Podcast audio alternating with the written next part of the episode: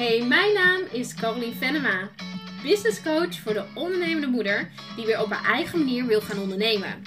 Zonder marketingregeltjes, maar vanuit gevoel. Helemaal jezelf kan zijn en alles zeggen wat je wil.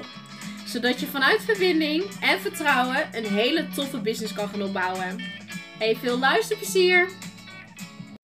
Hey, wat superleuk dat je weer luistert naar een nieuwe podcast. En vandaag is de podcast Waarom werkt loslaten niet altijd? Op dit moment is er echt een enorme trend. Ik noem het ook echt een trend gaande over het loslaten. Dus op het moment dat jij bepaalde emoties voelt of als dingen niet fijn zijn, dan moet je dat maar even loslaten. Laat het maar los. Laat maar los. Let it go. Loslaten. Je hoort het en leest het en ziet het overal. En heel eerlijk, ik geloof niet in deze trend. Want op het moment uh, dat bijvoorbeeld uh, verdriet, angst of wat er ook onder zit en jij wil dat loslaten, dan zeg je eigenlijk letterlijk: um, deze emotie wil ik niet hebben, vind ik niet fijn. Uh, je stopt het weg of je wil het omdraaien. Ook zo'n trend wat helemaal in is. Het, het uh, omdraaien van emoties. Alleen op het moment dat jij bijvoorbeeld, ik ga verdriet pakken. Op het moment dat jij je verdrietig voelt en je vindt dat niet fijn voelen. Um, dan kun je wel zeggen, nou ik ga me vanaf nu uh, weer vrolijk en blij voelen. Maar als dat niet in de kern is wat er nu speelt of hoe jij je nu voelt, dan voelt een ander dat ook. Je probeert een emotie aan te nemen die niet van jou is. Je accepteert je verdriet niet. Je stopt je verdriet eigenlijk weer weg. Je stopt het weer weg in je systeem. Je drukt het weg, want het mag er niet zijn. En hoe ik het altijd uitleg, is dat elke emotie is een bolletje. Dus uh, zie even voor je een ronde cirkel, een bolletje. En laten we die vandaag, uh, schrijf daarop bijvoorbeeld verdriet. Nou, op dit moment, als dat verdriet er zou zijn, en dit verdriet kan ook onzekerheid zijn, kan angst zijn, het kan heel veel dingen zijn. Maar stel je voor, we hebben verdriet. Op het moment dat verdriet omhoog komt, dus jij voelt een traan of je voelt, uh, je voelt het in je lichaam dat je verdrietig bent. Uh, wat heel veel mensen zien, uh, doen, en dat zie ik ook heel vaak, is het wegslikken. Dus wegslikken van emoties is iets wat ik heel vaak zie, vooral verdriet. Dat zie je echt zo moeilijk slikken. Zo probeer zo'n geluid erbij te maken. Maar je snapt ook bedoeld. Je, je ziet gewoon letterlijk dat zo'n emotie weer weg wordt geslikt. Of als een traan omhoog komt, dat ze extra gaat knipperen. Uh, zodat dat vocht weg kan gaan. Dus wat ze daarmee doen is. Accepteert het verdriet niet en weer terugstoppen in het systeem.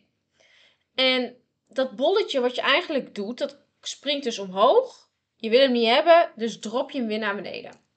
En dat bolletje blijft in je systeem zitten. En er hoeft maar welke trigger dan ook te gebeuren. En blip, dat bolletje komt weer omhoog. En die, dat verdriet, dat groeit ook intern. Dat wordt steeds groter, want het mag niet gezien en gehoord voelen. Dus dat verdriet, dat neemt een steeds grotere plek in je lijf, in je systeem aan. Doordat je dus daar, daar niet naartoe wil gaan. Je vindt het vervelend, je vindt het naar. Dus dat wordt een enorme grote emotie steeds meer. En hij komt ook steeds vaker omhoog. Uh, hij wordt zelfs irritant op een gegeven moment. Um, en wat je eigenlijk, wat heel erg wordt geteacht momenteel, is je moet het verdriet maar loslaten. Wat een onzin. Laat het lekker los. Maar daarbij accepteer je dus niet dat je van jezelf echt verdrietig bent. Of dat dat verdriet er zit. Dus wat ik je wil uitdagen is eigenlijk de volgende drie inzichten wil ik je geven. En je moet maar kijken wat je ermee wil.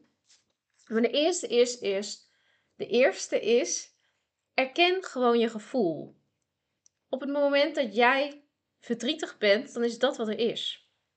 En je hoeft daar helemaal verder niks mee. Dit is gewoon wat er is. En jouw hoofd vindt daar iets van. Want ik kan toch niet de hele dag verdrietig blijven doen. Of ja, maar ik kan toch niet huilen waar mijn kinderen bij zijn. Of, dat zijn echt allemaal overtuigingen. Dikke bullshit. Op het moment dat jij een dag verdrietig bent, of een week verdrietig bent, of een maand verdrietig bent, dan is dat wat er is. Ja, is dat altijd fijn? Nou, dat ligt eraan. Ligt eraan hoe jij met verdriet om kunt gaan. Uh, alleen we hebben gelabeld dat bijvoorbeeld verdriet niet een fijne emotie is. Of dat boosheid niet fijn is. Of dat angst niet fijn is. We hebben het gelabeld. En dat is gelijk het. Uh, het tweede inzicht is ook. Loop niet voor die emotie weg. Druk hem niet meer terug in het systeem. Ga er niet voor weglopen. Ga niet tegen vechten. Ga niet tegen strijden. Maar ga daar gewoon dwars doorheen. Dus loop er niet meer voor weg. Ga ook kijken welke overlevingsmechanismen je hebt. En wat ik daarmee bedoel, sommige mensen lopen weg voor emoties. Uh, anderen uh, onbekenden het. Uh, anderen willen het ook vervormen. Dus die doen iets totaal anders.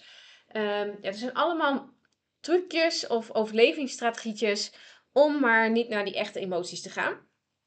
Dus probeer voor jezelf ook te ontdekken, ja, te ontdekken. Ben je iemand die bijvoorbeeld gaat bevriezen? loop je er voor weg? Um, uh, ja, weet je, ontdek eens op welke manier jij nu met je emoties omgaat. Want op het moment dat je dat ontdekt, kun je daar ook uh, iets in veranderen. En de derde is echt, jongens, stop met het labelen van emoties. Ik ga hier nog een aparte podcast over uh, opnemen, over het labelen van emoties.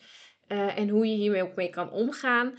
Maar laten we eens ophouden met bijvoorbeeld boosheid, verdriet of wat dan ook als een negatieve emotie zien. Want een emotie is niet voor niks. Een emotie daar, dat, dat wil gewoon maar één ding gevoeld worden. En emotie is er met een reden. En daarin heb jij je werk te doen.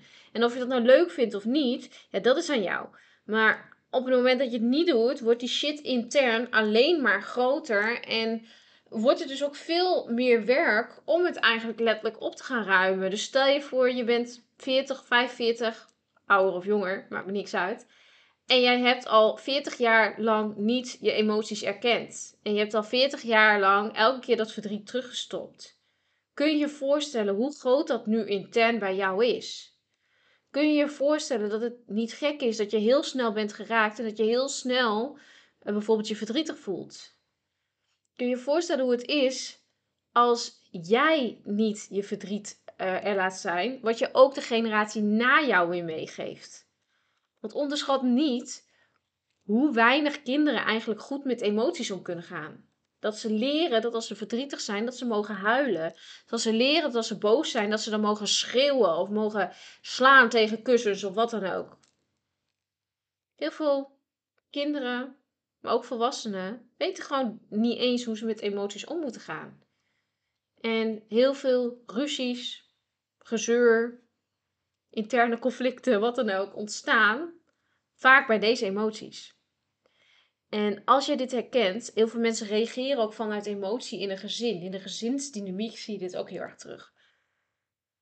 Weet dus vanaf vandaag dat het loslaten, dat het gewoon echt niet altijd werkt. Kijk, wat zou werken is op het moment dat je in een, in een, in een slachtofferrol zit, alleen maar zielig loopt te doen, dat het dan misschien een keer goed is om bepaalde stukken aan te kijken. Maar dat loslaten daarvan, dat kan niet.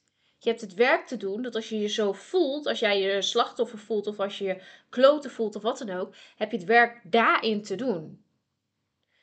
En daar heb je gewoon hulp bij nodig. En als je dat niet lukt, trek dan aan de bel. En of dat bij mij is of bij iemand anders is, dat maakt mij geen reet uit. Maar ga ermee aan de slag voor jezelf. En niet alleen ook voor jezelf, maar ook voor bijvoorbeeld je gezin, voor de mensen om je heen. Jij bent het levende voorbeeld ook weer voor de generaties na je. Jij bent ook degene die het ook om kan draaien. Op het moment dat jij het nog nooit hebt geleerd, betekent het niet dat je het zelf nu niet meer kan leren. Jij kan juist het nu leren. En ik gun je dat ook zo.